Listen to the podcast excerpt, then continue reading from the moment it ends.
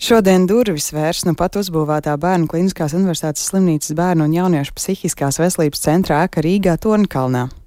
Ko jauniešiem piedāvās jaunais centrs un cik liels problēmas ar bērnu psihisko veselību šobrīd ir Latvijā, to visu šajā mirklī vaicāsim Bērnu Kliniskās Universitātes slimnīcas bērnu un jauniešu psihiskās veselības centra virsārstei Karīnai Beinertei, kuru esam sazvanījuši. Labrīt!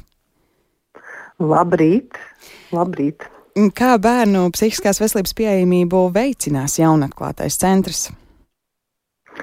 Mūsu centrs uh, dos iespēju strādāt mūsdienīgās un piemērotās telpās, ar ko mums bija nelielas problēmas, uh, novietojoties uh, novietnē Gaļizars, bērnu, slimnīca, uh, bērnu slimnīcas, uh, kas atrodas Jūgus ielā.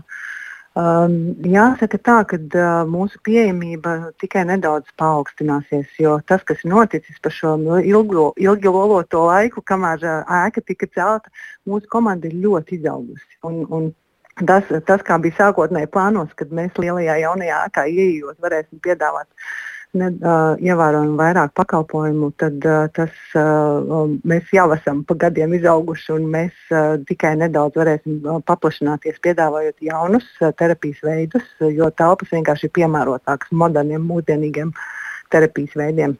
Um, tad sanāk, ka telpas ir modernākas, piemērotākas, bet nu, tajā uh, piedāvājuma klāstā nekādas milzīgas atšķirības nebūs. Ja? Būs jauni terapijas veidi, ko mēs vienkārši nevarējām sniegt iepriekšējā novietnē, jo mums telpas to neatļāva.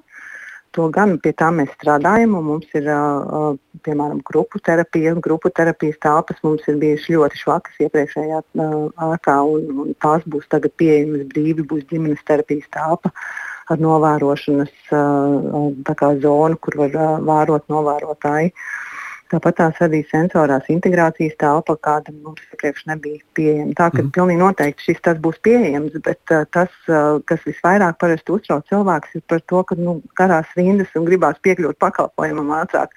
Un to mēs uh, varam tikai teikt, ka mēs pie tā strādājam un mēs mēģinam uzlabot, bet tas ir ļoti pamazām un lēnām process, kā mēs mē, uh, mēģinam kļūt pieejamākiem. Mm -hmm. Un eh, jūs minējāt, nu, ka pārceļaties no gaļa zara, tā teikt, vai gaļa zara bērnu slimnīca šajā novietnē līdz ar to pavisam ir beigts darbs, vai tur tomēr vēl aizvien kaut kas atradīsies?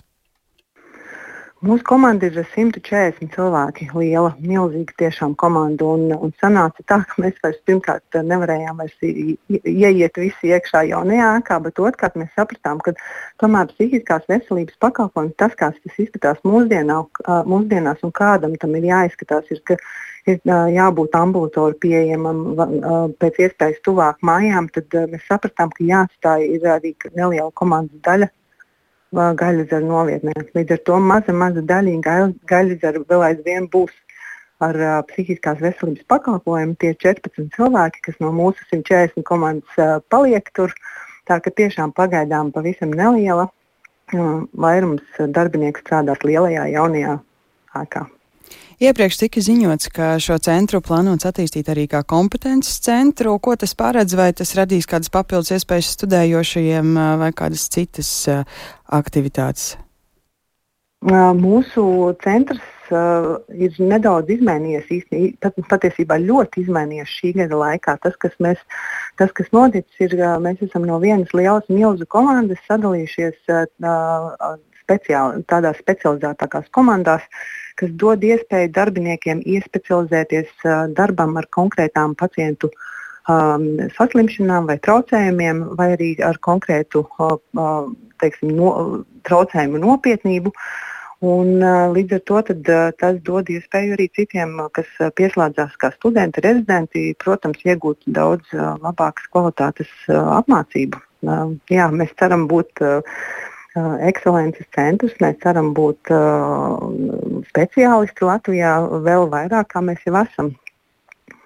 Nu, un, ja ir šādas jaunas telpas, kādas ir tās cerības attiecībā pret jaunajiem topošiem kolēģiem? Protams, minējāt par to, ka nu, rindas ir lielas un, un iespējams tomēr tā speciālistu trūkuma problēma ir ļoti manāma. Ir cerības, ka šāda moderna atbilstoša infrastruktūra arī piesaistīs jauno mediķu interesi, varbūt vairāk izvēlēties šo specialitāti.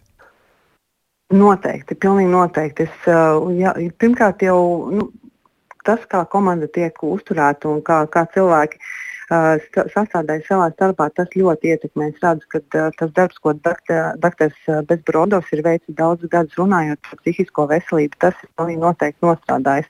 Bet jaunā skaistā ēka, modernā, mums pilnīgi noteikti var palīdzēt piesaistīt jaunos speciālistus, jo tas, ko mēs piedāvājam, tas pakalpojums būs mūsdienīgāks, modernāks Uh, un dos iespēju attīstīties. Un cilvēkiem, jauniem, spējīgiem, patīk attīstība. Viņiem patīk pieslēgties tur, kur notiek lietas, kā saka. Uh, jā, bet uh, es šeit gribēju arī piebilst uh, to, ka mums ir uh, vislielākā problēma īstenībā tieši ar psihologiem uh, un, un psihiatrijas māsām. Un tas ir tas, uz ko mēs liekam diezgan lielu uh, uzsvaru, ka mēs gribētu piesaistīt arvien vairāk uh, tos darbiniekus, kas sniedz nefarmakoloģisko palīdzību. Varbūt ir dzirdēts, ja, ka psihiatri izraksta medikamentus, un tā arī ir bijis vēsturiski, ka psihiatri tiešām izraksta diezgan daudz medikamentu, psiholoģiskā palīdzība nebija pieejama. Nu, tas pamazām mainās, un tad, uh, mēs vēlamies arvien vairāk paplašināt tieši to nefarmakoloģisko daļu. Kaut arī jā, bērnu psihiatri mums arī trūkst. Tik tik, cik mēs dabūjam klāt vienā gadā, tik arī parasti aiziet pensijā. Diemžēl tā, ka mums tas pieaugums bērnu psihiatriem nav paredzams nākamajos gados. Bet runājot par bērnu psihisko veselību Latvijā kopumā, šogad arī Labdarības maratons dod pieci vērš uzmanību riskam pakļautiem jauniešiem ar mērķi palīdzēt izrauties no nelabvēlīgas vides. Kā jūs, kas saskaraties ar sekām, redzat šo problēmu Latvijā? Mēs ļoti cieši redzam ikdienas darbā, tāpēc ka mēs strādājam ar daļu no šiem jauniešiem, kuriem, kuri nonāk līdz mums. Daļa no mums nenonāk.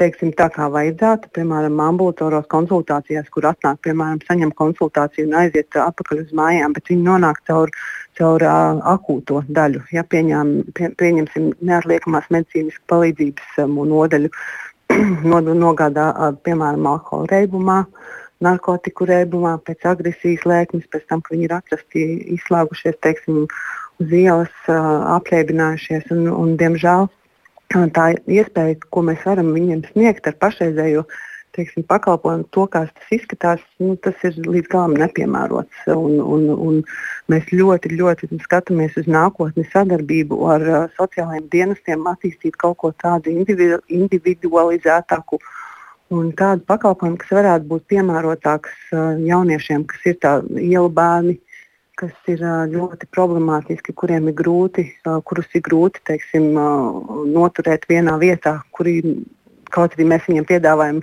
konsultācijas, uz tām neatnāk.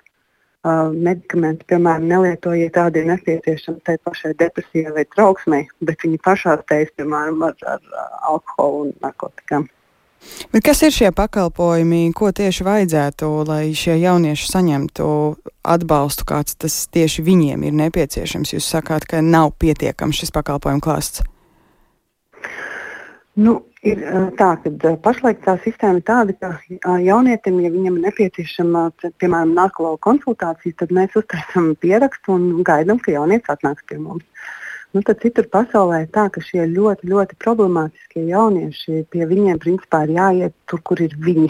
Un ir jāvelta ļoti daudz laika un enerģijas, lai uzbūvētu uzticību un, un satiktos tur, kur viņi ir gatavi satikties. Vienmēr sakot, tas nevar būt klīnika. Tā nevar būt mūsu skaistā jaunā ēka, lai cik, lai cik tā būtu skaista. Uz to nenāks. Ir daļa jaunieši, kas uz to nenāk. Tāpēc, viņiem ir um, dzīve iegrozījusies pavisam savādāk. Līdz ar to tad, uh, tas saucās tāds angliski tāds, uh, termins outreach. Ja? Tad outreach, uh, um, uh, modelis ir tas, kas ir nepieciešams, nepieciešams darbojoties ar šiem jauniešiem.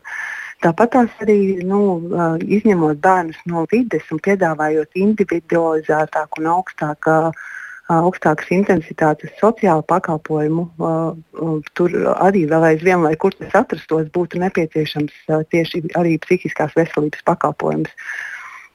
Piemēram, es varu padalīties, ka pavisam nesen uh, ir izveidojies uh, Rīgas domas uh, pilots projekts, kur uh, tieši šādus jauniešus uh, mēģina nogādāt uh, ārpus, izņemt ārā no vides un sniegt ļoti individualizētu sociālu pakalpojumu, kas ir īstenībā tieši tas, kas ir nepieciešams, un ar psihiatra palīdzību vai psihiskās veselības pakalpojumu. Lai kur šie jaunieši tiktu nogādāti un, un, un nevis, ka viņus saliek vienā ēkā, uh, ārpus Rīgas daudz problemātiskus jauniešus, kas, un tas, teiksim, tā palīdzība uzreiz ir daudz, daudz sarežģītāka, bet ja viņus tā kā izņem pa vienam un ieliek kaut kur tālāk prom no viņu vides un sniedz intensīvu palīdzību, gan sociālu, gan arī psiholoģisku palīdzību, tad, eh, tad eh, jā, tās izredzes, ka viņiem būs uh, cits virziens, tiks ieņemts dzīvē un ka viņiem būs iespēja uz pozitīvāku pozitīvākām iznākumiem dzīvē ir daudz lielāks. Uh -huh. nu, un vēl mazliet jānomaina temats.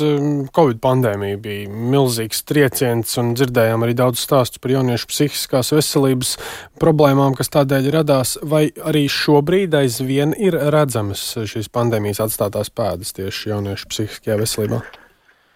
Jā, psihiskās veselības pakalpojumā mēs redzam pilnīgi noteikti pieaugumu attiecīgās konkrētās grupās ar covid saistīts un, un ne tik ļoti saistīts, kas kopumā redzams pasaulē. Viens ir tas, ka autismu bērniņu skaits pieaug.